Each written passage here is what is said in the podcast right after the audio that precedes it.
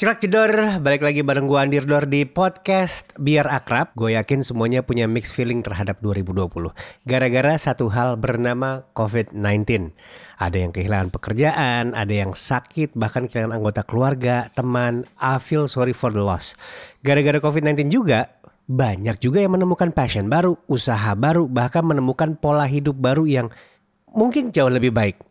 COVID-19 dan 2020 berkolaborasi memaksa kita untuk memperhatikan hal-hal yang lebih esensial dan berubah menjadi mudah-mudahan seseorang yang lebih positif. Azik.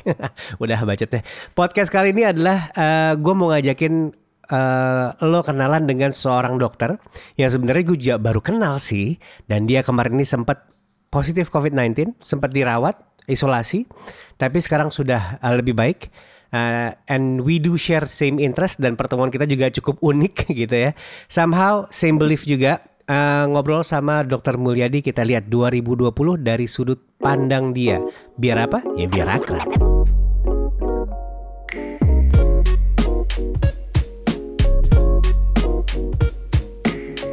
Selamat hari libur Mas Mul Dr. Mulyadi. Bingung nih. Apa kabar Mas? Selamat hari libur Mas Andira. Iya iya iya iya. Jadi um, uh, sehat sehat. Dokter Moli juga baru pulang katanya ya, baru baru ini, iya. baru negatif. Ya, sekarang ya tinggal recovery-nya aja sih Mas. Recovery ya. Nanti kita akan ngebahas ya, lebih lanjut soal uh, pengalaman menjadi salah satu korban COVID-19. Oke, okay, jadi banyak ya korbannya ya. Banyak. Uh, mudah-mudahan sekarang lagi dari rumah, udah santai kita ngobrol di Biar Akrab. Selamat datang di podcast Biar Akrab sekali lagi. Ya, terima kasih Mas Andira. Hmm. Ja, jadi jadi gini, uh, pengalaman gua dengan uh, eh, UGD atau IGD apa UGD sih yang benar nyebutnya? Sebenarnya sama aja sih. Sama aja Tapi ya. Iya. Ya, kita biar agak lebih ke bule-bulean emergency. Oh, emergency. ER emergency room ER. Oke, okay, ER. Biar ada ada series itu. Ya, tua yang tahu ya tuh kayaknya uh. ER. Oke. Okay, jadi um, pengalaman gue dengan ER oh, apa ya kedekatan gue dengan ER tuh cukup unik. Jadi hampir setelah bekerja korporat lagi tuh semacam enam bulan sekali gitu. Eh, enam uh, bulan sekali itu bisa dihitung sekitar bulan Juni Juli uh, dan juga Desember itu persiapan meeting semesteran.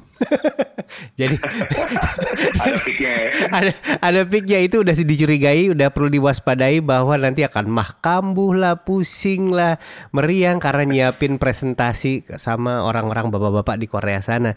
Tapi kalau kemarin terakhir itu agak cukup unik eh unik ya apa sama ya kalau kalau kalau nggak salah kemarin tuh di luar kebiasaan datang ke UGD ke emergency karena uh, ini tensi tinggi, ten sakit kepala tensi tinggi sampai 155 yeah. 100 sekian gitu dan ini baru yeah. kalau buat buat saya yang yang seumur hidup bisa dibilang kalau tensi tuh bisa nyombong 128 terus, 120 per 80 terus gitu.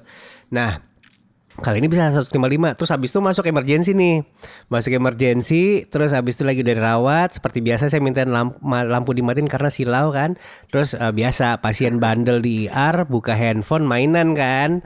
Sambil ngecek uh, apa account Instagramnya Pia Cycles.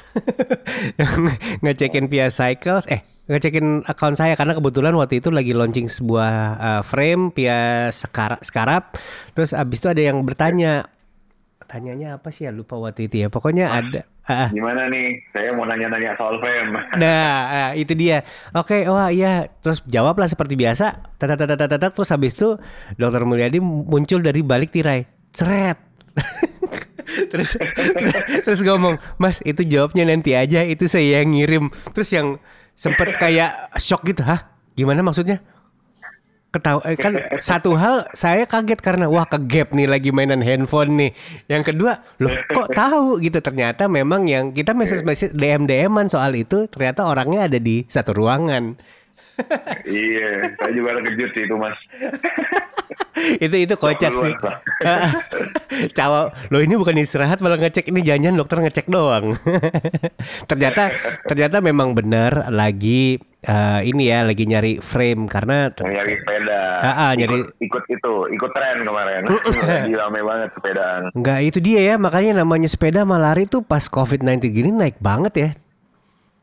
Parah banyak banget mas Hmm. Bintaro aduh ampun deh Iya, sekarang tiap pagi ada yang ngelup, weekend udah kayak apa Car Free Day di Sudirman. Ba- Tapi banyak Iya, juga yang lari kan kalau Mulyadi ini eh sukanya lari ya. iya karena sepeda belum kesampaian akhirnya ya kita pakai yang dikasih Tuhan dulu lah lari aja dulu Yang ada aja dulu ya, maksimalin yang ada. iya Nah, ngomongin sekarang ini deh, kita eh, ngomongin soal olahraga, lari terutama yang eh, Mas Mul lakuin nih selama ini nih. Mulai intens lari tuh kapan? mulai intens lari sekitar bulan 7 mas Baru berarti bisa dibilang. sebenarnya iya soalnya gara-gara pandemi kan kayaknya semua orang di rumah aja pola hidupnya jadi ngaco ya Mm-mm. ya pasti pasti banyak nih selama pandemi ini ujung-ujungnya bukan cuman tambah bosen tapi juga tambah berat Mm-mm. nah akhirnya saya mikir aduh kayaknya nggak fit banget akhirnya kita mulai lari akhirnya Ah, oke. gitu Te- te- Mulai lari ada ada ininya nggak ada targetnya nggak sih kalau orang terus terang saya juga dulu pernah lari ya. Eh, bukan pelarian ya, Cia. Habis itu pernah ikutan half marathon di tahun 2014 itu gara-gara itu ikutan Jakmar half marathon bosennya setengah mati habis itu udah nggak pernah lari lagi. Sekarang mulainya berat banget. Ke- Waktu itu juga bulan 7 Iya, nyobain berat juga ya. awalnya sih berat sih ya mas cuman gara-gara badan juga udah berat ya Hmm. mau gimana lagi soalnya soalnya memang kayaknya kita mesti mulai sesuatu kan Bener. gitu Karena olahraga mulainya itu sih memang paling berat Tiba-tiba gara-gara COVID-19 ini kan tadi saya sempat bilang bahwa kita kembali ke essential things di di COVID-19 ini. Kita sadar bahwa ternyata ya Bang bener kita butuh olahraga gitu. Kita sekedar gara-gara awalnya cuma berjemur, butuh olahraga yang sebelum-sebelumnya nih eh, kita terlalu punya banyak alasan untuk tidak melakukan olahraga. Bener nggak kayak gitu kurang lebih? bener Mm-mm. Dan mungkin sekarang kalau kemarin-kemarin yang diikutin malesnya Mm-mm. tapi ternyata mungkin kayak sekarang juga karena mungkin pada pada kerjanya mungkin WFH di rumah gitu ya jadi mungkin kayak teman-teman komunitasnya jadi banyak lagi Nah, itu Dan dia. banyak orang yang olahraga sebenarnya komunitasnya bukan buat olahraganya sendiri gitu. Jadi Iya. ya mungkin karena banyak teman ya udahlah mulai. Gitu. Iya iya iya iya. Jadi ada tiga hal ya. Yang satu memang kebutuhan buat olahraga, yang kedua karena komunitas, yang ketiga untuk konten. Nah itu nggak salah. Tapi nggak apa-apa semuanya bikin kita jadi olahraga paling nggak itu sih ya. Benar. Yang Nah. penting happy. Yang penting happy bener. Habis olahraga biasanya happy. Bangun tidur agak males, keluar dikit lari, jadi nggak nyesel tuh olahraga. Nah, habis dari kejadian UGD itu, eh, itu kita tetap terus tuh, Eh, terutama terutama saya sih gangguin dulu karena eh, laporan. Tensi segini, tensi segini, berat badan segini segala macam. Pokoknya lapor terus. Eh, habis itu eh, ini mulai kirim-kiriman di luar pembicaraan yaitu eh, ngirim gambar frame eh, karena waktu nyari road bike ya.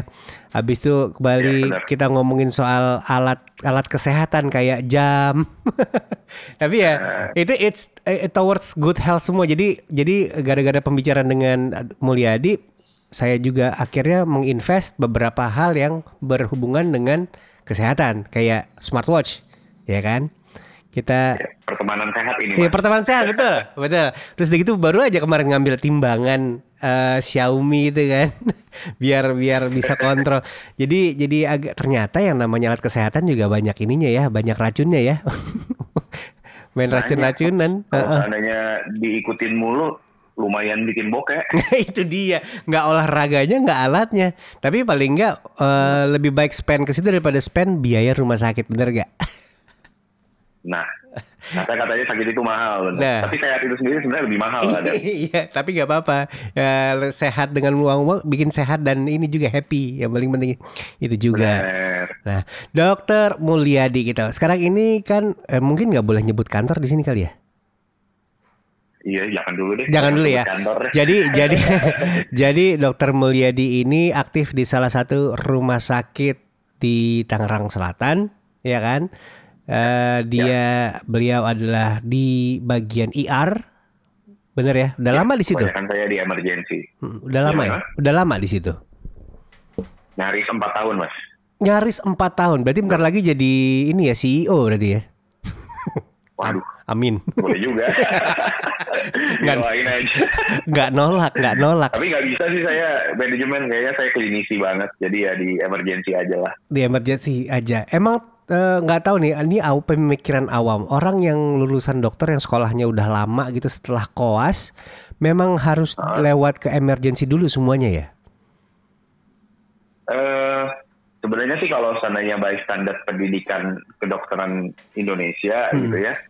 Setelah selesai koas, wisuda dokter, memang wajib internship namanya. Jadi Oh, internship oke. itu satu tahun dan di satu tahun itu ada empat bulan di emergency. Oke. Nah, tapi kalau seandainya sudah selesai dari internship, Hmm. ya kita punya kebebasan. Karena nggak semua orang punya passion bekerja di emergency. karena kan bebannya sebenarnya mentally exhausting gitu loh. Pasti. Dan semua orang suka Hmm, gitu. hmm, hmm. Ya, Oh, jadi ya kadang kalau seandainya emang suka, ya mungkin passionnya emang di hal-hal yang emergency, suka adrenalin rush-nya Iya, gitu iya. ya. Terus kayak ngelihat pasien datang-datang jelek, jelek, jelek, jelek, eh tiba-tiba bisa balik, iya, oh iya. bagus nih kondisinya gitu. Iya, Itu iya. kan kayak passion masing-masing. Iya, karena karena yang namanya IR tuh ya eh, kadang-kadang jadi kambing hitam juga nggak sih kalau sampai amit-amit kenapa-napa sama pasiennya.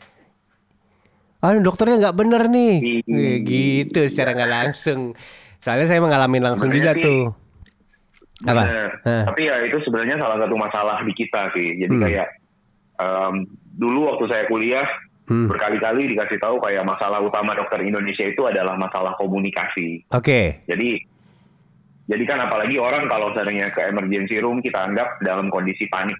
Hmm. Wah, kalau seandainya komunikasinya mungkin salah atau berbelit-belit, Hmm. jadi lost in translation-nya ini nih. Apalagi Bener. kalau seandainya dokter dengan bahasa medisnya dan awam dengan ketidaktahuannya. Iya, gitu iya. ya. Ujung-ujungnya bentrok, ayam ketemu bebek. Jadi ya pasti ujung-ujungnya ribut. Belum lagi kalau ketemu pasien yang eh, punya pengetahuan berdasarkan Google ya. Ih, ya itu lumayan. Lumayan kadang misleading sih. Soalnya Iya. kadang ya Google emang banyak informasi, cuman kan kayak makna informasinya itu sendiri sebenarnya ditangkap sama orang beda-beda. Bener. Nah, oke, kita ngomongin soal keseharian di IR, apalagi pas COVID-19 gitu ya. Ada perubahan drastis nggak dibanding tahun lalu, 2019, 2020 gitu? Hmm, lumayan sih mas. Jadi kalau seandainya dulu kita itu capeknya itu capek kerja, capek fisik, bener-bener kayak wah beban pasien kayak loadingnya tinggi tinggi tinggi tinggi tinggi banget gitu ya. Mm-mm. Kalau sekarang jumlah pasiennya sendiri dibandingin sama biasanya Mm-mm. berkurang, Jumlahnya berkurang. cuman jumlahnya berkurang, cuman mikirnya dua tiga kali lipat. Belum Oh. lagi kita juga pasti punya kekhawatiran kan, aduh ini kan penyakit sangat menular. Bener. ya udah mikirin pasiennya, terpaksa mikirin diri sendiri juga. gitu. Bener. Jadi benar-benar beban mentalnya ya berkali-kali lipat dibandingin sebelumnya. Oke, jadi kekhawatirannya bukan soal penyakit itu sendiri, malah takut tertular ya segala macam gitu ya. Kalau dulu mah lebih lebih, oh ya ini jalur hijau, ini jalur merah. Santai dulu. Lah, eh, Dulu, terus dulu capeknya capek fisik mas. Jadi capek kayak, fisik ya? Aduh gue capek kerja, pulang kerja gue tidur, besok seger lagi. Gitu. Nah, ah, ah. Kalau ini kadang kepikiran. kayak bener, makanya burnoutnya tinggi banget gitu. Hmm, hmm. Nah, tapi kalau memang kalau memang si pasiennya lebih rendah gitu, IR itu memang sehektik itu atau ada kesempatan, eh let's say kalau kita kerja di toko gitu ya misalnya, nggak tahu bisa disambat. Ada breaknya. Ada ada breaknya atau sambil bisa nonton film, sambil dengerin musik atau apa gitu bisa nggak sih? Nah, ada beberapa fenomena nih. Kita Nah. kayak ngelihat kok kayak pasien-pasien yang non non non covid lah gitu ya. Hmm, Kok kayak pada ke mana nih ya stroke, pada serangan jantung kayak gitu. iya. Jumlahnya nggak kelihatan gitu. Oke. Padahal sebenarnya ada juga memang. Hmm, hmm. Tapi malah ujung-ujungnya turun karena mungkin pada takut ke rumah sakit Itu dia. Terus, kan gitu. Ha-ha. Nah, kalau seandainya saya sendiri sih sebenarnya ngelihat rumah sakit yang ideal itu sendiri adalah rumah sakit yang bisa memisahkan alur ya. Hmm, hmm, hmm. Jadi jadi kan kita tahu nih orang pasti kekhawatiran utama ke rumah sakit adalah takut tertular, betul. ya kan? Hmm. Nah, menurut saya rumah sakit yang baik itu adalah rumah sakit yang sudah memisahkan pasien yang kita pikirkan kandidat ke arah COVID sama yang non Iya, COVID. iya. Jadi dari awal kita Screening. sudah bisa memisahkan alurnya. Ha-ha. Nah, kekurangannya adalah jumlah tenaga mesti lebih banyak lagi. Karena kalau seandainya kita memisahkan kayak gitu, pasti ada tenaga yang khusus untuk non infeksi, ada tenaga yang khusus untuk yang Oh Kita kita iya, infeksi ini. bener. benar ya. Apalagi di awal-awal ya mesti Biasanya. disesuaikan jumlahnya ya.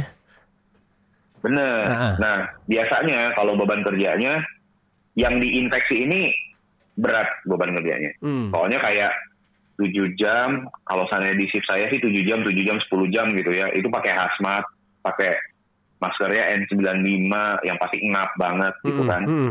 Dan dan mau break juga ya breaknya gimana tuh di dalam plastik kayak gitu. Iya bener juga ya.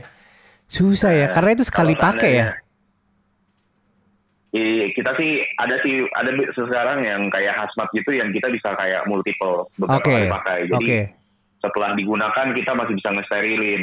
Jadi Oke. ini lumayan banget karena dia juga ngurangin limbah limbah medis ya Bener. gitu. Sih. Tapi ya tetap aja nggak nyamannya sama. Tapi ya ya itu ya breaknya breaknya terbatas juga breaknya bukan break break kayak yang kita lihat sehari-hari gitu. Karena masih terus Bener, pakai hazmat. Iya, soalnya juga kalau kadang ngerepot sih, kadang mau ngebongkar-bongkar hazmatnya juga ya bongkar pasang itu itu kayak masang dan melepasnya itu sendiri kan sebenarnya prosedurnya ada. Hmm. dan resiko penularan kalau seandainya salah pasang dan salah bongkar juga ada Iya, gitu. iya. Simpelnya kayak gini, kayak misalnya kita nyopot masker tapi kita pegang bagian depannya gitu. Itu kan juga udah salah ya. Nah, bener, bener. Itu sendiri kan justru kayak kita bukan dilindungi oleh APD jadinya, tapi Iya. malah ketularan dari APD. Bener. Dan yang mestinya protek kita malah gara-gara itu kita sakit. Ya, sama aja bohong. Jadi ya selalu ada resiko. Hmm. Nah, ngomongin resiko di IR, balik lagi ke eh, Mas Mulyadi gitu. Emang dari dulu niat diterusin ke emergency berarti? Emang suka adrenaline rush-nya itu? Nah, dulu saya pertama kali masuk sih dijadikan dokter ruangan.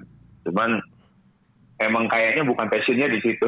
Makanya akhirnya saya minta di emergency aja terus. Kurang tantangan nih. emang saya suka dinamikanya kayak gimana kayak kita menurut saya sih kerja jadi dokter itu pelajaran hidup ya mas Iya. jadi kayak kita berinteraksi sama berbagai macam orang Hmm. ya kadang kadang bukannya bukannya kita sebenarnya yang ngebantu pasien pasien yang ngebantu kita Ya. kayak dia ngasih lihat nih eh pelajaran hidup itu sebenarnya kayak begini lo Oke. mungkin at some point seperti ini nanti ketika lo sekarang di lowest point lo sekarang seperti ini gitu apa yang lo mesti lakuin gitu. Hmm, Jadi kadang- Oke. Iya, kadang saya suka ngelihat dinamikanya gitu sih. Jadi kayak kita bisa ngelihat pola-pola orang, gimana orang ketika panik, ketika lagi sedih, ketika dia lagi dalam keadaan stres gitu ya. Dan dan kita ada di situ ngebantuin mereka gitu loh. Dan Hmm. kita ya kan kadang kan orang kan kalau lagi happy gampang ya banyak temen gitu. Iya. Justru kalau seandainya lagi susah hilang gitu. Jadi Hmm. kita itu dokter itu selalu ada di lowest point-nya orang-orang gitu. Lah same Dan level biar ngebantu gitu ya. Bener, itu memberi itu memberi profesi dan hidup kita makna kalau menurut saya. Wah. Dan saya nemuin maknanya di situ. Ini ini ini dia nih karena karena semak di emergency justru ketemu banyak orang, ketemu banyak kasus, ketemu dan eh, jadi tempat belajar juga sekaligus praktek beberapa eh, semua hal yang kita pelajarin ya selama ini ya. Bener. Jadi kayak misalnya nih, eh, contohnya aja waktu itu gua, eh, saya masuk di emergency aja ada dua tipe tuh, paling gampang kelihatan. Kedengeran ada, walaupun tirai tertutup kanan kiri kan kedengeran tuh. Ada yang ada yang ada yang pasiennya, nih ini terserah mau dia eh, konfirmasi atau tidak. Ada sifatnya pasien yang sudah sering ke emergency, udah tahu minta disuntik apa aja dan eh, laganya udah mulai kayak ngatur udah udah jadi sering dah jadi jadi langganan gitu ada tuh waktu itu kalau nggak salah ibu-ibu. Ini selimutnya mana sus? Nanti saya di ini aja injak gini gini gini gini sebelah kiri karena sebelah kanan kemarin. Jadi jadi memang jadi eh, rasanya udah tinggal otomatis sih kedengeran. Cuman kayaknya kalau orang awam dengerin "Ih, kok nyuruh nyuruh sih? gitu. Itu dia udah tenang dalam keadaan tenang dan tahu harus diapain. Ada juga eh, pasien yang bener-bener kayak Eh, setiap kali oh disebut obat obat itu buat apa? Buat ba- ba- apa? Kayak kayak nanya-nanya terus itu ada juga. Ada yang ada yang kayak concern masalah biaya itu ada juga ya kan? Macem-macem tuh. Nah, itu kalau kalau Ya. kalau saya termasuk yang mana tuh kemarin waktu masuk ke ketemu pertama kali? Kalau seandainya menurut saya sih Mas Andira lumayan komunikatif sih. Maksudnya saya sih saya sih selalu berusaha komunikatif mungkin. Artinya apa? Kalau menurut saya sendiri pasien apakah rewel, nanya ini itu segala macam, menurut saya itu adalah hak pasien untuk bertanya Oke. dan kewajiban dokter untuk menjelaskan Oke. gitu. Jadi memang kalau seandainya ada beberapa pasien yang kadang ngerasa kayak oh saya udah mengerti dan saya tidak butuh penjelasan, ya silakan aja. Tapi kan Hmm. saya tetap punya hak, punya kewajiban untuk menjelaskan Bener. Gitu. Itu Kalau kayak seandainya concern yang lain, Hah. ya kalau seandainya sekarang juga sebenarnya pola pola hubungan terapeutik ya, hubungan antara dokter pasien itu sendiri sudah mulai berubah, Mas. Jadi Hmm. kalau seandainya kita melihat mungkin zaman dulu pola pasien dengan dokter itu, dokter itu sebagai em, seolah-olah kayak controller banget gitu. ya Wah, gue nyuruh A, lu mesti ikutin A. Kalau nggak Kayak- mau, ya udah cari dokter lain. kayak ini ya guru atau suhu gitu ya. Bener. Heeh. Jadi kita ngelihat juga tuh kayak bahkan bahkan kalau seandainya di pendidikan kedokteran zaman sekarang dikasih lihat pola tempat duduk, gimana cara berkomunikasi dengan pasien itu beda banget sih. Oh, ada ada, Sedangkan ada kelasnya tuh. sekarang- ada ada kelas Oke. komunikasinya. Oke oke oke. Dan kalau seandainya sekarang kita sebenarnya pasien dan dokter itu sebagai partner Hmm. gitu. Jadi segala sesuatunya mesti based on discussion gitu. Jadi kita mesti mendiskusikan. Karena apa yang terbaik buat saya belum tentu yang terbaik buat pasien gitu. Ah. Nah, makanya kayak pasien itu sebenarnya punya hak untuk mengetahui segala kemungkinan-kemungkinan terapi yang diberikan ke dia gitu. Ah, Dan oke. dokter punya kewajiban untuk menjelaskan karena ujung-ujungnya tujuan kita adalah masing-masing ketemu di tengah. Mm-mm. Ekspektasinya pasien seperti apa, ekspektasi dari dokternya seperti apa dengan segala jenis konsekuensi yang ada. Mm, mm, mm, mm. Ini ini ini menarik nih Gitu, karena karena di maaf maaf saya potong. Eh, karena di dunia radio itu juga hal yang sama. Dulu waktu waktu saya beranjak dewasa, waktu beranjak dewasa kita kita dengerin radio tuh penyiar tuh seakan yang maha tahu gitu. Eh, semua informasi pasti dari penyiar itu mereka harus tahu yang pertama informasi paling lengkap dan yang namanya penyiar nggak boleh salah. Sementara ketika ketika saya sendiri siaran itu justru kebalikannya. Eh, kita harus memposisikan diri sebagai teman. Kita nggak tahu semuanya bahwa pendengar justru yang kadang-kadang punya informasi lebih lengkap dan tugas kita untuk menggali itu. Jadi jadi eh, shiftingnya ke sama hal yang sama nih. Kita lebih kolaboratif sama pendengar ketimbang me- menjadi corong informasi. Sama kayak dokter zaman dulu mungkin dianggap kayak gitu.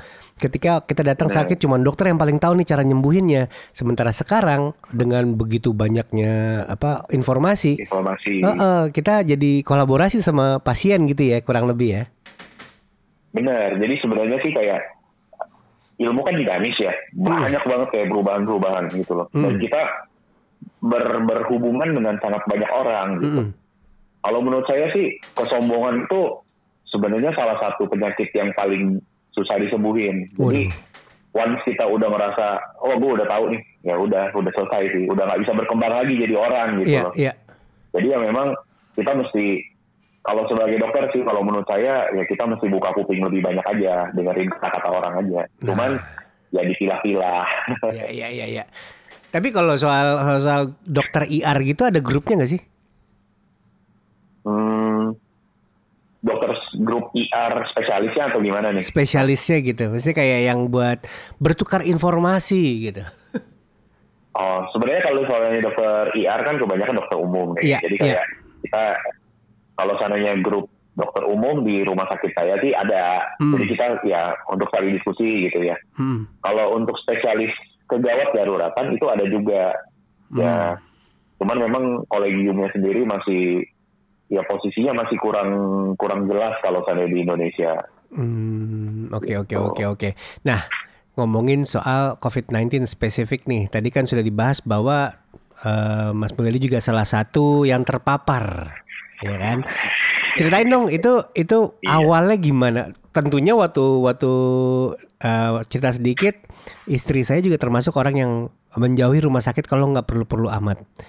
Bahkan waktu jalan ke IR aja saya suruh jalan sendirian dulu, turun duluan. Karena menurut dia rumah sakit itu banyak penyakit gitu loh. Namanya juga rumah sakit bukan rumah rumah sembuh katanya. Bukan yang tadinya datang sehat, Ya. takutnya pas pulang malah sakit. Itu yang diketakutin kan. logis juga. Iya. nah, ini ini akhirnya eh, dokter di IR gitu. Nah, sekarang kena COVID-19 kemarin ini sempat. Itu ceritanya gimana tuh waktu awal itu? Jadi sebenarnya kalau seandainya opini saya ya mas ya, Hmm. pertama-tama sebenarnya dibandingin sama mall, rumah sakit lebih aman. Dibandingin sama mall, rumah sakit lebih aman. Catat tuh. Oke. Kenapa? Karena menurut saya di rumah sakit kita lepas-lepas masker diomelin satpam kan. Asli. Atau enggak mungkin nggak usah satpam, pengunjung yang lain nih. Hmm, diprototin. Pengunjung Tunjuk, Pak maskernya tolong dipakai gitu. Iya, iya. Di setiap sudut ada tempat cuci tangan. Jadi at some point kalau menurut saya sebenarnya sih mungkin protokol kesehatan di rumah sakit justru cenderung lebih ditegakkan dibandingin sama tempat umum yang lainnya Oke. gitu. Nah, kalau seandainya masalah terpapar, kadang sih saya udah nggak bisa ngomong lagi ya mas, kayak dapetnya dari siapa sih? ya nggak tahu. Orang satu hari ketemu Ratusan maksudnya orang. menjauhi pasien COVID. Heeh. Iya, kita menjauhi pasien COVID, sedangkan kayak tenaga medis didatengin. Iya. Gitu. Resiko terpapar bisa dari mana aja. Makanya kayak saya bilang, penggunaan APD sendiri, dia pun kita sifatnya melindungi, tapi at some point dia juga selalu ada resiko penularan dari situ. Mm, mm. Em, ya kalau seandainya tertular, ya saya sih nggak bisa ngomong sih. Mungkin ya karena faktor kekebalan tubuhnya lagi turun. Nah, itu dia. Kita nggak tahu ya, maksudnya satu hari bisa ya standarnya WHO kan katanya sekarang kalau seandainya yang kita anggap kontak erat dengan pasien itu adalah 15 menit dalam 24 jam. 15 menit dan Jadi- 24 jam. Oke, WHO tuh ya. Benar. Jadi kita udah nganggap itu kontak erat. Jadi contohnya ketemu pasien COVID 5 menit, Hmm. habis itu kayak saya keluar gitu kan. Habis Hmm. itu saya ketemu lagi 5 menit lagi, saya keluar. Saya ketemu 5 menit lagi, hitungannya itu udah kontak erat. Oh, itu akumulasi berarti ya. Bukan 15 menit dengan Akumulasi. satu eh, apa namanya? eh, Pertemuan. Pertemuan. Oke. Benar. sip. Kalau seandainya dulu definisinya mereka kontak erat itu adalah 15 menit satu pertemuan. Oke. Jadi kalau seandainya saya ketemu 5 menit tapi 10 kali, berarti kan total 50 menit tuh. Betul. Tapi kan cuma 5 menit 5 menit itu Nah. hitungannya nggak kontak erat. Itu dulu. Sekarang udah kontak erat. Itu dulu. Kalau seandainya sekarang akumulasi, jadi 15 menit in total dalam 24 jam itu hitungannya udah kontak erat. Oke. Nah, tapi sebelum itu Nah, jadi- dokter juga secara berkala dicek kan ya, berarti ya. Kita di swab berkala. Jadi em, setiap kali untuk screening kalau seandainya nggak ada gejala sebulan sekali kita di swab. Heeh. Tapi kalau seandainya gitu ada ngerasa gejala, ya langsung lapor untuk minta di swab. bener, bener, bener, bener. Kalau Oke. benar. kalau seandainya di kasus saya sendiri sendiri kemarin, saya sebenarnya cuma ngerasa kayak hidung saya napasnya agak kering gitu, kayak orang gimana ya, kayak kok bernapas agak perih gitu ya. Hmm. Udah gitu doang, habis itu gitu di swab ternyata positif. Waduh, itu rasanya kayak gimana sih? Eh, soalnya di sekitar saya juga, termasuk kakak saya juga kemarin dari yang paling gampang adalah dari pernapasan. Napasnya sengal-sengal, agak perih tenggorokan.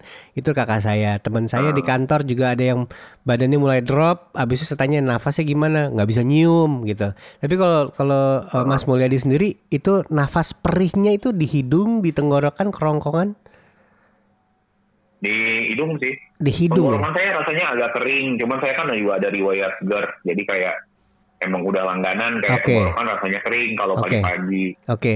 Nah, ini sebenarnya si COVID ini sendiri gejalanya itu kadang spektrumnya luas banget sih. Hmm, Jadi kayak kayak kita ngelihat kadang gejalanya ini orang apaan gejalanya gatal-gatal tiba-tiba di swab kok positif gitu. Iya. Wah ini di COVID COVID kan katanya kan gitu ya. Iya. Padahal sebenarnya si COVID ini sendiri virusnya itu punya reseptor memang di mana-mana. Jadi Oke. di seluruh tubuh dia ada reseptornya. Oh, Ya, makanya reaksinya beda-beda ya. bervariasi. Iya, iya, iya. Benar. Makanya kalau seandainya sekarang yang lagi lumayan in di Instagram kan Dewi Persik ya. Yang Mukanya merah-merah. mukanya merah-merah ya, ruam gitu ya. Nah, benar. Itu juga sendiri termasuk salah satu kita sebutnya viral exanthem. Jadi memang ada kayak ruam kemerahan yang dicurigai penyebabnya karena infeksi virus gitu. Ah, oke. Tapi nggak menutup kemungkinan bisa terjadi pada COVID gitu. Karena emang dia itu mimikri banget. Segala macam bisa ditiru sama dia. Oh, oke, Iya. oke. Dan yang di Tapi London itu paling dominan gejala saluran nafas. kayaknya paling dominan yang paling banyak ditemukan berarti ya. Karena reseptornya paling banyak di saluran nafas dia. Iya, iya, iya. Karena itu uh, point of contact paling mudah bukan? Atau gimana? Em, ya karena jalan masuk paling banyak juga. Soalnya kan kayak saluran nafas kita itu semuanya selaput lendir. Iya. Jadi selaput lendir itu sendiri gampang banget untuk ditembus sama si virus. Apalagi kalau reseptornya ada di situ. Oke. Nah, mungkin paradigmanya waktu awal-awal COVID ini muncul, kita curiga, wah ini penyakit paru-paru nih, ini penyakit paru-paru. Mm, mm, mm. Sebenarnya nggak juga, karena sebenarnya dia paling dominan justru menyebabkan peradangan. Nah, peradangan ini bisa terjadi di mana saja, Mm. termasuk di paru-paru, Mm. dan paling sering juga di paru-paru. Mm, mm. Termasuk salah satunya juga pembuluh darah. Oh, Nah, oke. Dan makanya makanya ujung-ujungnya banyak banget kayak gejalanya jadi kayak menyerupai penyakit-penyakit lain yang gangguan pembuluh darah, serangan jantung, Iya. stroke, Iya. ternyata COVID penyebabnya, pemicunya ternyata COVID. Oh, oke, Gitu. oke, Termasuk oke. pengentalan darah salah satunya itu. Waduh. Jadi kayak komplikasi yang banyak sering terjadi karena darahnya mengental gitu. Makanya kalau sekarang kita juga itu salah satu poin yang kita usahakan untuk di follow up. Hmm, hmm. Kalau yang di London itu yang terbaru itu yang berita terbaru itu kayak apa tuh maksudnya? Nah, jadi mutasi baru di London itu katanya sih bikin si virusnya jadi lebih gampang untuk masuk ke dalam tubuh manusia. Oke, Yang paling berpengaruh katanya sih pada anak-anak. oke. Jadi karena selama ini kan kayak konsensusnya kita bersama kan kayak seolah-olah wah anak-anak kebal gitu. Iya, iya. Sebenarnya sih nggak juga. Jadi anak-anak memang resiko tertularnya cenderung lebih rendah karena reseptornya cenderung lebih sedikit dibandingin pada dewasa. Benar. Nah, cuman ketika mutasi ini terjadi yang di London ini sendiri, Hmm. mutasi ini sendiri spike proteinnya itu sendiri yang buat masuk ke dalam tubuh berla mengalami mutasi. Jadi dia ada mutasi di situ, ujung-ujungnya lebih gampang untuk masuk ke dalam tubuh manusia Oke, oke, oke. gitu. Dan katanya paling berpengaruh pada kasus anak-anak. Jadi ujung-ujungnya mungkin infeksinya pada anak-anak jadi cenderung lebih meningkat juga. Tapi ya pada dewasa juga pasti akan ikutan naik gitu. Makanya dibilang lebih infeksius. Ah, oke. Nah. Nyampe Singapura katanya udah ya. ada. Ya Singapura kan kita tahu hub ya, jadi kayak Iya. ke mana-mana airportnya di situ. Tapi Singapura yang sebegitu ketatnya itu aja bisa tembus gitu loh. Tapi Mm-mm.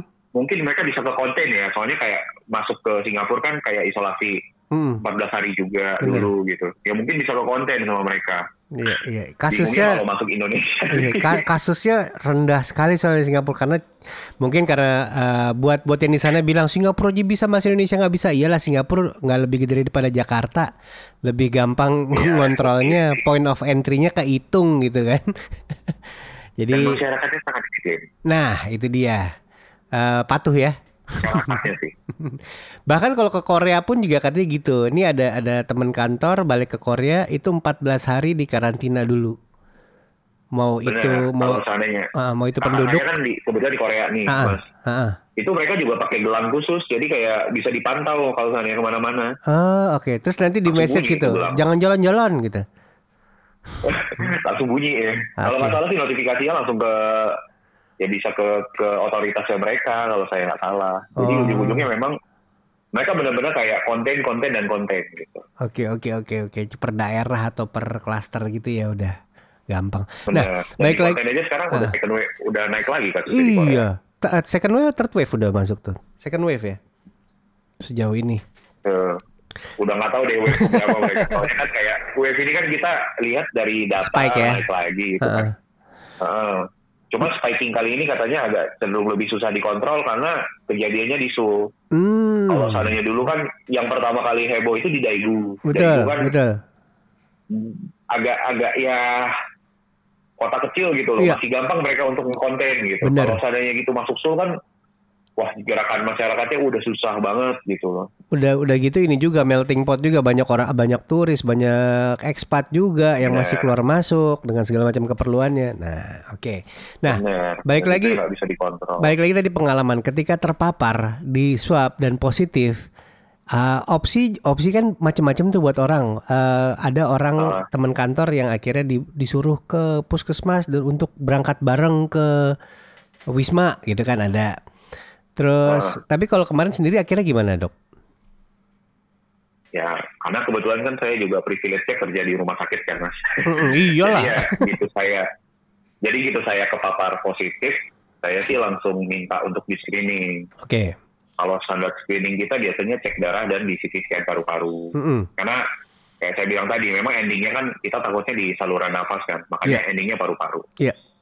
Sebenarnya sih kalau seandainya sekarang nggak semua kasus COVID ini sendiri mesti dirawat inap. Oke. Karena keterbatasan, keterbatasan tempat juga gitu kan ya. Mm-mm, mm-mm. Kebetulan waktu kemarin saya di CT scan, paru-parunya sudah mulai ada bercak putih. Oke. Jadi kayak, berarti dia udah masuk pneumonia. Jadi kalau kita masuk ke grading COVID, Mm. yang ringan, sedang berat, kalau saya udah ada bercak seperti itu, kita udah masuknya ke dalam kategorinya sedang, paling tidak. Yang bercak nih. Jadi yang Ya, sorry. berarti Maaf, yang pertama symptoms udah masuk. Saluran itu yang ringan kategorinya. Kalau seandainya em, ringan itu sendiri kadang bisa aja tidak ada gejala sama sekali, sama ya mungkin gejalanya ya batuk pilek biasa gitu ya. Tapi di swab tidak ada positif. nafas. Ya, saturasi oksigen tidak turun gitu. Itu sebenarnya dari gejala kita bisa bilang gejala ringan. Oke. Tapi kalau seandainya secara radiologis nih, ternyata bercaknya udah ada di paru-paru gitu ya. Kalau Iya. udah ada bercak di paru-paru, itu udah paling nggak masuknya gejala sedang. Hmm. Kita masuknya ke dalam kategori sedang gitu. Oke. Biarpun gejalanya gejala ringan, kayak aduh kayak saya kan kondisi saya cuman pilek-pilek doang nih, cuman hidungnya nggak enak gitu kan. Hmm.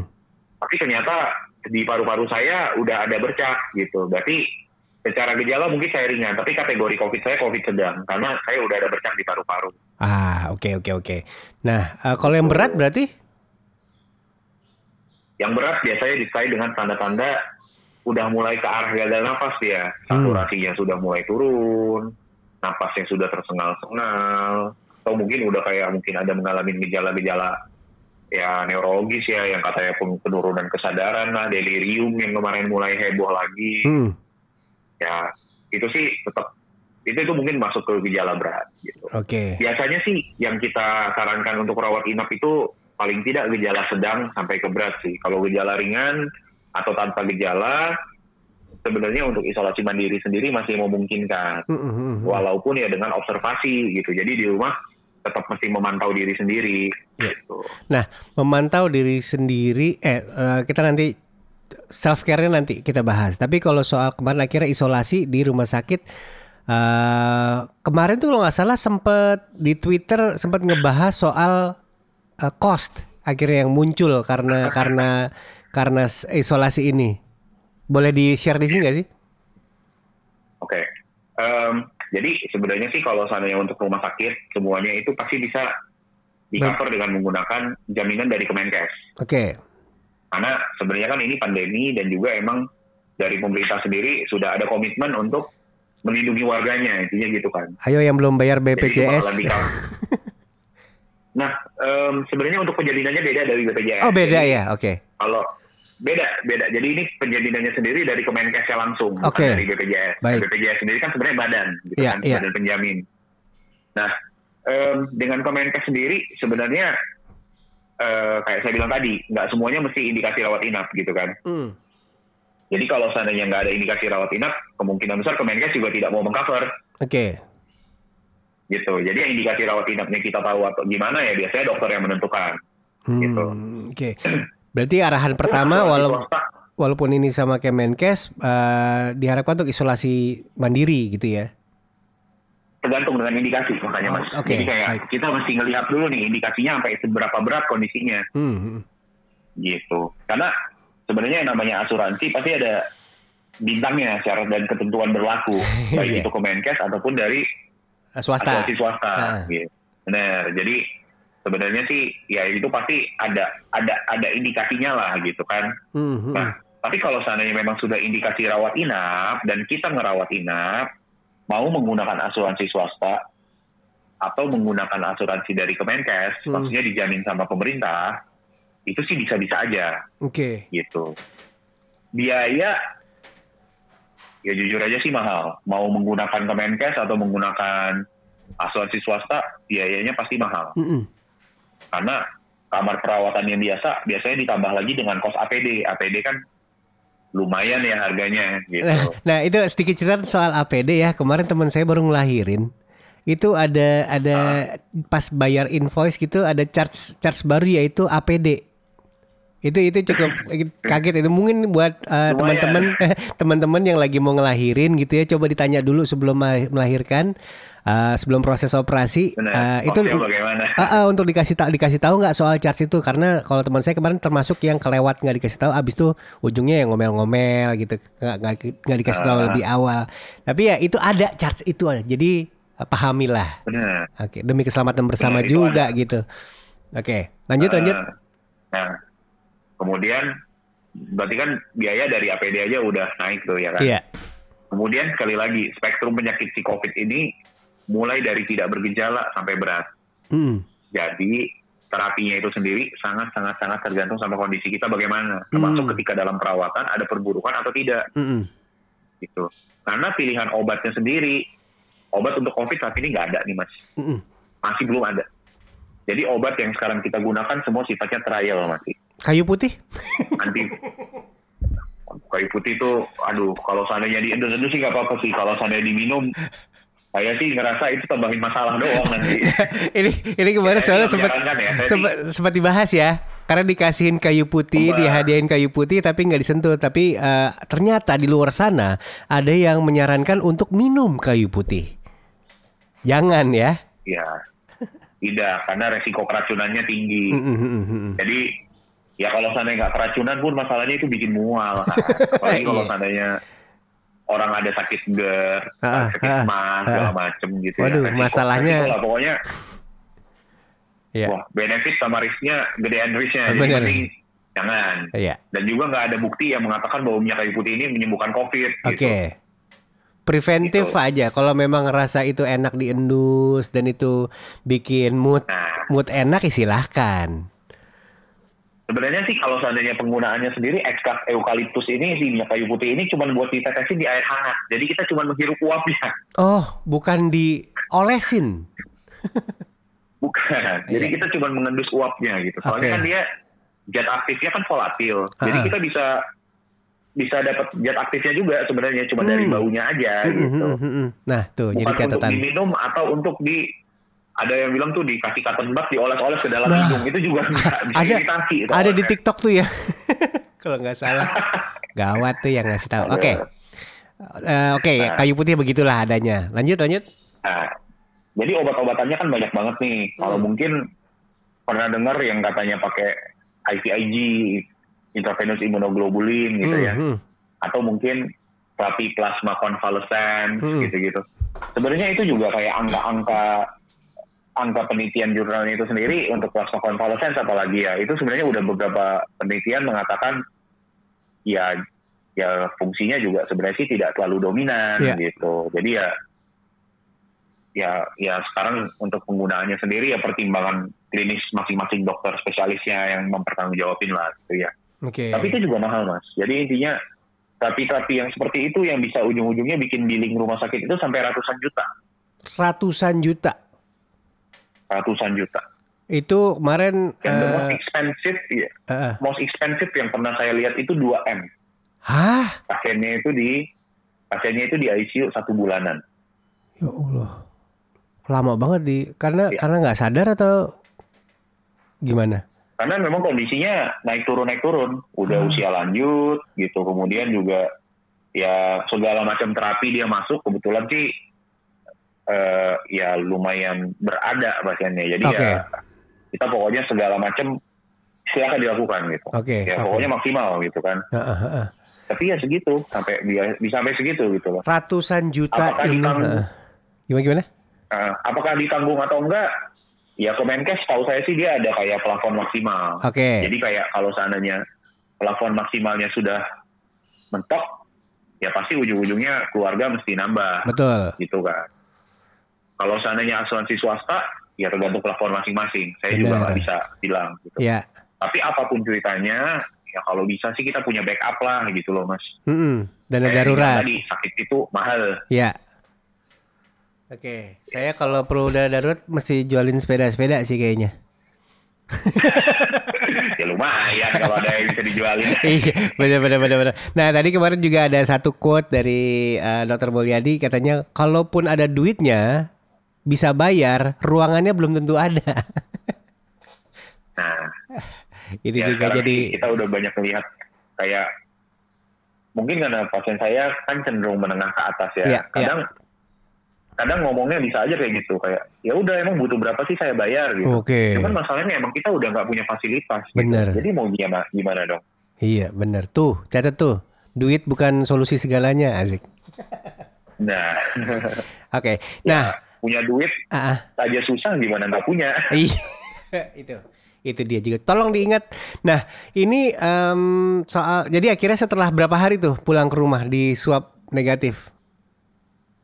Nah, sebenarnya kalau untuk swab negatif sendiri, kita sebenarnya bukan jadi wajiban kalau seandainya untuk sekarang untuk keluar isolasi, Mas. Oke, gimana tuh Jadi jadinya? kalau seandainya klinisnya baik gitu ya, kalau seandainya gejala, kan dia kita ada dua kriteria lah untuk sembuh kalau saat ini. Mm-mm. Jadi kriteria berdasarkan hasil swab negatif gitu ya, kalau seandainya negatif swab dua kali berturut-turut dalam 24 jam, kita anggap negatif. Oke, Ada juga yang berdasarkan kriteria waktu dan klinis, tanda Oke. klinisnya. Jadi kalau seandainya berdasarkan waktu dan klinis ini pada pasien-pasien yang tanpa gejala, 10 hari kita anggap sudah sembuh. oke. Tanpa gejala Sedangkan 10 kalau hari yang sembuh. sempat bergejala, Hmm. 10 hari selesai gejala plus 3 hari gitu. Plus tiga hari, oke. Ini Nah, kesepakatan jadi bersama berarti ya? seandainya- Benar. Hmm. Jadi kalau seandainya saya sendiri karena ngerasa klinis saya sendiri sudah baik, Mm-mm. sebenarnya kayak kemarin minta di swab ulang, tapi apa pun hasilnya sebenarnya saya tetap Boleh minta pulang. izin untuk dilakukan isolasi mandiri di rumah aja. Oke. Siap, siap, siap, Cuman siap. ternyata udah negatif juga, jadi ya ya untung lah syukur lah kalau gitu. Ini eh, em, mungkin udah capek kali ya namanya orang Jakarta terutama atau orang Indonesia diingat bahkan rakyat dunia gitu pakai masker, cuci tangan, eh, keluar kalau ada perlunya aja. Ketika pulang dari tempat tujuan itu harus ganti baju, mandi, ya kan. Terus udah gitu em, apalagi asupan vitamin ya, Dok. D dan C. Benar. Apa aja tuh? Iya deh. C dan D dengan 1000 miligram kelebihan apa enggak? Eh, sebenarnya sih kalau seandainya untuk vitamin C, kalau seandainya dalam dosis untuk mencegah penyakit ya Hmm. 1000 mg sehari gitu ya, itu sih udah cukup sih. Oke. Vitamin D, vitamin D ternyata Indonesia ini banyak banget yang defisiensi. Oh, oke. Kita di negara tropis nih, kita di Hmm. negara tropis yang mestinya dapat banyak sinar matahari gitu kan. Mm-mm. Tapi ternyata memang mungkin dietnya sendiri salah gitu, atau malah nggak mau kena matahari gitu. Iya, ya, takut Ujung-ujungnya hitam. I- Intinya kita itu ternyata banyak yang defisiensi vitamin D. gitu. Oke. Dan beberapa penelitian memang mengatakan defisiensi vitamin D ini sendiri meningkatkan resiko terkena COVID. Hmm. Atau kalau seandainya terkena, katanya kalau seandainya defisiensi cenderung lebih parah Oke. gitu. Jadi D juga Tapi harus ya memang- dinaikin. Vitamin D juga penting saat ini. Jadi udah mulai banyak banget penelitian soal vitamin D. Oke. Bisa bikin itu juga katanya defisiensi vitamin D bisa bikin alergi, bikin ansietas, bikin cemas gitu. Jadi memang Hmm. lately banyak banget nih penelitian soal vitamin D ini sendiri gitu. Selama ini kalau exposure-nya di C ya? Selama ini kita kan sibuknya dengan vitamin C. Ternyata vitamin D ini sendiri banyak nih fungsinya gitu dan Oke. dan defisiensinya nggak ketahuan gitu. Mhm. Soalnya ya kadang nggak nggak ada gejala tapi ternyata kekurangan. Hmm, oke. Nah, selain itu apalagi sih yang perlu diperhatikan? Mungkin capek diingetin ya, cuman kita perlu ingetin lagi terutama dari eh, Mas Mulyadi gitu yang sebagai eh, survi- eh, survivor agak berlebih ya, survivor lah ya, survivor COVID-19 sudah pulang ke rumah dan sebagai praktisi medis juga dan apalagi yang kekurangan nih prok pro- apa eh, prokesnya selama ini? Sebenarnya sih yang paling penting sih masker ya. Hmm. Masker itu untuk menjaga diri kita dan juga menjaga orang di sekitar kita. Oke. Karena kita nggak tahu kan kita ternyata positif atau tidak. Itu kan selalu ada resiko. Jadi ya kalau bisa anggaplah diri anda positif sampai terbukti tidak Heeh. gitu. Paling nggak ya masker kita bisa melindungi orang di sekitar kita. Itu satu. Oke. Masalah cuci tangan itu penting banget. Kenapa? Kita kadang kalau pegang-pegang bagian wajah itu refleks ya, bukan bukan karena kita yang pengen gitu. Aduh mata saya kelilipan kucek gitu, Mm-mm. nggak sengaja. Tapi kalau seandainya ternyata tangan kita habis megang-megang segala macam, ya resiko penularan juga ada. Oke. Kemudian saya sih nggak pernah melarang orang yang kalau seandainya keluar-keluar untuk bekerja, karena memang ya kondisi kayak gini sulit, Iya. ya nggak mungkin kan semua orang bisa diem aja, nggak semua orang punya privilege buat diam di rumah Dapat duit. basically everything settled gitu Iya, kan. iya. Ya, Nggak semua orang bisa kayak gitu. Ya kerja silahkan, tapi kalau bisa ya tetap kita juga selain bekerja juga mesti menjaga diri Mm-mm. gitu. Dan yang agak susah untuk dikontrol sebenarnya mengenai kegiatan-kegiatan non esensial sih. Kegiatan-kegiatan non esensial ini sendiri yang justru ujung-ujungnya beresiko Iya. gitu.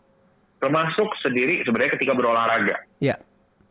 Nah, berolahraga sepedaan sih tidak menyebabkan penularan COVID ya. Iya. Tapi nongkrong setelah sepedaannya. Enggak kok, enggak kok. Oke, oke. ya itu sih beresiko sih. Kan kadang habis sepedaan, ah kayaknya enak nih sarapan bareng gitu Ah. kan. Kalau kalau peloton, gitu pelotonan, pelotonan gimana?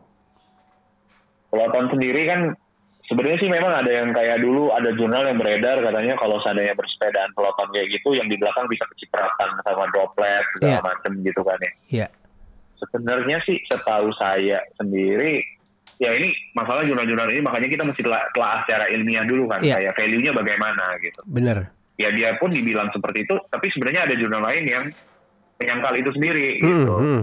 Tapi yang paling aman sebenarnya memang tetap supaya nggak ke mana-mana itu droplet. Kalau ingin berolahraga sebaiknya tetap menggunakan masker khusus olahraga, khusus olahraga. Oh ya. ada ya, ada ya. Jangan ada kan ada masker yang khusus olahraga gitu. Oke. Kenapa? Kalau kita olahraganya sendiri pada kondisi sepi mau lepas masker silakan silakan aja. Mungkin Hmm. kan resikonya cenderung lebih rendah. Betul. Yang masalah kan kalau seandainya kita dalam grup nih atau kita melewatin track yang banyak orang lain. Betul. gitu. Memang ada beberapa penelitian yang mengatakan kalau seandainya kita cuma papasan doang dengan orang lain itu tidak terpapar hitungannya karena apalagi outdoor kan Hmm. kayak udara bebas gitu kan kayak kita numpang lewat nih eh ternyata Hmm. yang papasan sama saya positif covid gitu Hmm, hmm. tetap itu paparannya sendiri sebenarnya sangat-sangat rendah jadi sebenarnya kita tidak perlu khawatir Oke, baik. tapi kalau seandainya kita ada di dalam satu grup dalam jangka waktu yang panjang, Hmm.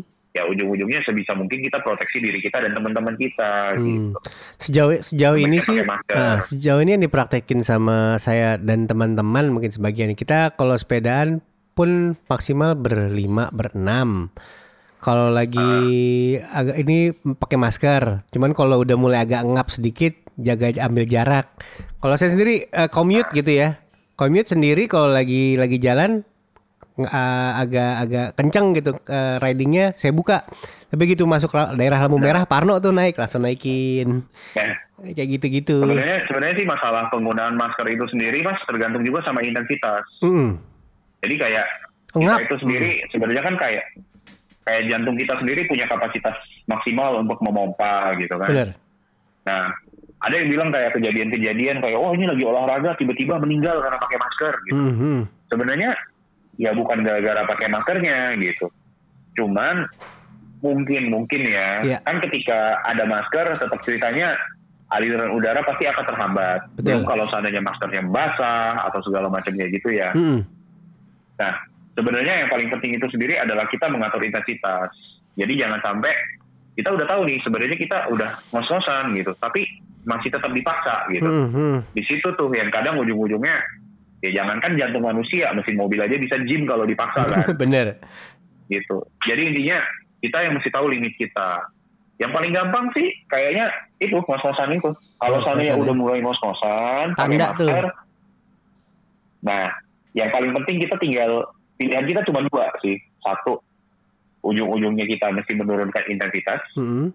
Pelanin. atau yang kedua kita lepaskan masker cuman menjauh dari kerumunan Hmm. Oke. gitu. Karena kalau seandainya tetap dilanjutin, ya ujung-ujungnya resiko yang nggak enak pasti ada gitu. Ya. Intinya, even olahraga itu baik, tapi segala macam yang terlalu baik juga kalau berlebihan juga tidak baik. Ya, ya, ya. Inilah makanya pergejetan kadang-kadang perlu perlu dipikirkan untuk Nah. dibeli ya. Karena kalau ketika Benar. apa hard zone rate-nya udah masuk di zona 4, zona 5, hati-hati. Kalau ini jadi pembenaran saya ATT lah. Iya. Oke, oke, oke. Nah, em, ada ada lagi tambahan soal si prokes ini selain jaga jarak itu terutama sih yang penting sih di kantor pun juga melakukan itu. Ah, ini Ya, eh, obrolan soal di ruangan AC eh, terlalu lama. Hmm. Itu itu gimana tuh? Sebenarnya sih kayak ini ini saya kebanyakan ngomong tapi mesti ada dasar jurnalnya ya kan mas. Iya, betul. Ya ini kalau seandainya mengenai penggunaan AC dalam jangka waktu lama, sebenarnya itu em, ini dasarnya adalah penularan yang secara aerosol. Aerosol itu droplet dalam bentuk yang sangat kecil, Ya. gitu kan. Sebenarnya base ini sendiri gara-gara di Korea gitu ya, di Starbucks Korea yang kemarin Rame. ada satu orang COVID, ujung-ujungnya satu Starbucks COVID semua gitu kan. Iya, iya. Nah, sebenarnya dari CDC sendiri mengenai mengenai aerosol atau ini, saya juga nggak ngerti entah kenapa kayak nanti mereka bilang aerosol, tiba-tiba direvisi Hmm. ngomongnya aerosol, tiba-tiba direvisi Iya, iya. kan gitu ya. Nah, tapi memang ujung-ujungnya kita anggap bisa terjadi penularan secara aerosol ini sendiri jika ya pada ruangan yang tertutup dengan ventilasi yang rendah. Ventilasi yang rendah. Eh, sorry, sorry atap atapnya rendah. gitu. langit-langit Jadi kayak ya? Langit-langitnya Ah. rendah. Oke. Benar, langit-langitnya rendah, ventilasinya buruk. Karena kalau kalau seandainya ruang ber AC kan pasti udaranya muter itu itu aja, Betul. gitu. Jadi bisa terjadi potensi penularan secara aerosol di situ. Oke. Nah, sebenarnya ini udah diadaptasi di Jepang juga. Jadi kalau seandainya Jepang dari awal pandemi ini sendiri, mereka sudah mengatakan bahwa penularan ini semuanya melalui aerosol, gitu. Langsung Bahkan ada satu, eh, bahkan ada penelitian di Jepang mengenai ketika seseorang buka pintu, gitu ya, berapa lama udara di dalam ruangan itu bisa bersih. Oh, ada penelitiannya Gitu. seperti itu ya? Ada. Jadi kalau seandainya kita punya satu ruangan, Heeh. kita bisa membuka dua pintu, dua Iya. ventilasi berarti ya. Iya. Jadi kayak yang berhadap-hadapan. Iya. Biar muter Itu- anginnya kayak itu gitu. cuma dalam benar, itu cuma dalam waktu 30 detik sendiri bisa bersih sirkulasi udaranya lu udah muter semua Ah, oke, oke. Baik, baik, gitu. baik. Tapi justru kalau seandainya kita cuma membuka satu pintu, let's say satu ruangan kita Iya. buka satu pintu doang gitu, Iya. itu untuk membersihkan satu udara eh udara di seluruh ruangan itu tuh butuh waktu sekitar 42 menit. Kalau satu pintu karena nggak ada keluar Iya. masuk lah istilahnya ya. Bener. Hmm. Tapi itu bisa dipercepat dengan meletakkan kipas angin di depan Hmm. pintunya. Arah keluar aja ya. Jadi intinya benar. Jadi itu katanya membantu untuk mengubah sirkulasi. Hmm. Nah, kaitannya dengan gimana nih kalau seandainya ruang kantor ber AC terus gitu kan? Hmm, hmm, hmm. Ya jangan ada yang lepas masker. Iya, itu dia. Masker adalah eh, inilah pertahanan utama ya. Berarti ya. Sementara sementara kayaknya kita masih belum punya pertahanan lain selain masker. Siap, siap, siap Tapi itu. ya tetap sekali lagi, biarpun namanya APD, kalau seandainya cara melepaskannya salah bisa beresiko juga. Ah, Itu aja sih, Mas. Itu. Wah ini ini obrolannya banyak banget, eh, terutama informasi soal COVID-19. Tadi- Tadinya sih nggak nggak nggak berharap segini banyak informasi yang bisa digali gitu. Ini mudah-mudahan berguna, apalagi 2020 sudah mau berakhir. Yang percaya 2021 COVID kelar, eh, nggak nggak segampang itu ya, nggak segampang 1 Januari terus COVID pergi juga gitu. Tetap kita harus jaga semuanya. Dan terutama pas liburan ini jangan terlalu inilah kalau nggak esensial nggak usah keluar juga gitu kali ya. Benar. Karena Nah. herd immunity sendiri sebenarnya sih bukan jawaban sih. Oke. Jadi kalau kita bilang herd immunity tapi tanpa ada em, tanpa ada planning yang jelas, ujung-ujungnya pasti nanti endingnya nggak nggak bagus. Nah. Gitu. Karena angka kematian pasti tinggi. Ya Oke. ujung-ujungnya kita kan itu kan tidak mengharapkan itu kan, karena Siap. setiap nyawa ada nilainya, Oh, berharga gitu. oke. Ya, ya, ya. Ya harapannya sih vaksin, cuman tetap vaksin kan bukan solusi instan. Bukan berarti Kalau juga gitu ya. bukan berarti ada bukan vaksin terus kita gila-gilaan gitu enggak juga. Karena produksi vaksin juga butuh waktu, Mas. Iya. Tuh. Kita butuh kita butuh kalau seandainya masyarakat Indonesia 270 butuh dua dosis, kita butuh 540 juta vaksin. itu butuh waktu. distribusinya gimana, Belum dimafiain. gimana, yang nah itu saya nggak berani komen. Iya iya. Oke oke oke oke. Eh, ini em, dua hal terakhir. Yang satu adalah ada ada pimpinan baru nih. Gimana nih kira-kira Ah, iya. moodnya untuk nextnya? Ya kita sih kita sih semua berharap yang terbaik sih pasti. Biarpun Pak Budi Gunadi dibilang backgroundnya bukan dokter gitu Iya ya. iya. Tapi sebenarnya kalau menurut saya Menkes ini sendiri berperannya itu sebagai manajer. Ya. Jadi kalau kalau seandainya bisa nge-manage dengan baik, Mm-mm. menurut saya sih nggak masalah. Apalagi kan wakilnya beliau juga dokter penyakit dalam ya, Iya. dokter Dante. Mm-mm. Harapan kita sih ya beliau bisa memanage, staf ahlinya juga masukannya scientific base lah, scientific base. Jadi kita benar-benar kayak tindakannya itu semuanya terukur gitu, bukan cuman kayak kira-kira. Karena kan kita selama ini diajarin, wah segala sesuatu mesti ada bukti, segala sesuatu mesti ada dasar gitu. Iya iya. Ya semoga semoga sih kita harapannya ke depan baik ya. Ya, amin, amin, amin, amin, amin. Nah, eh, ini eh, si Mas Mulyadi ini adalah salah satu sosok setelah kita pembicara lebih jauh kemarin ya. Eh, hampir sama tadi saya bilang di awal bahwa kita punya belief yang sama. Kalau kita melakukan sesuatu harus berguna buat orang, ya kan? Yang namanya dokter, alasan orang tuh macam-macam di mata umum. Jadi dokter, lu cepet tajir satu. Yang kedua eh, apa? Pokoknya akses kesehatan gampang. Tapi kalau tujuannya Mulyadi sendiri jadi dokter, kemarin gimana ceritanya di WhatsApp? Ya sebenarnya sih awalnya saya sih emang disuruh sama orang tua. Maunya engineering Cuman tadinya ya. Awalnya sih masuk engineering saya. Nah, Hmm. Cuman almarhum bokap punya mimpi besar kalau anak-anak itu bisa ngebantu orang.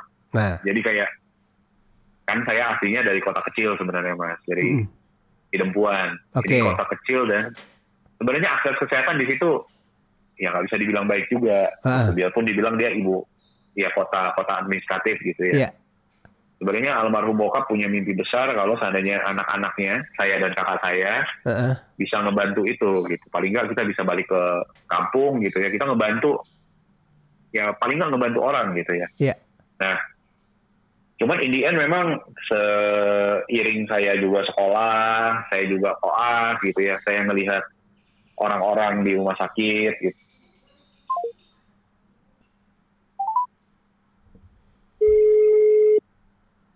Wah, pulsa habis.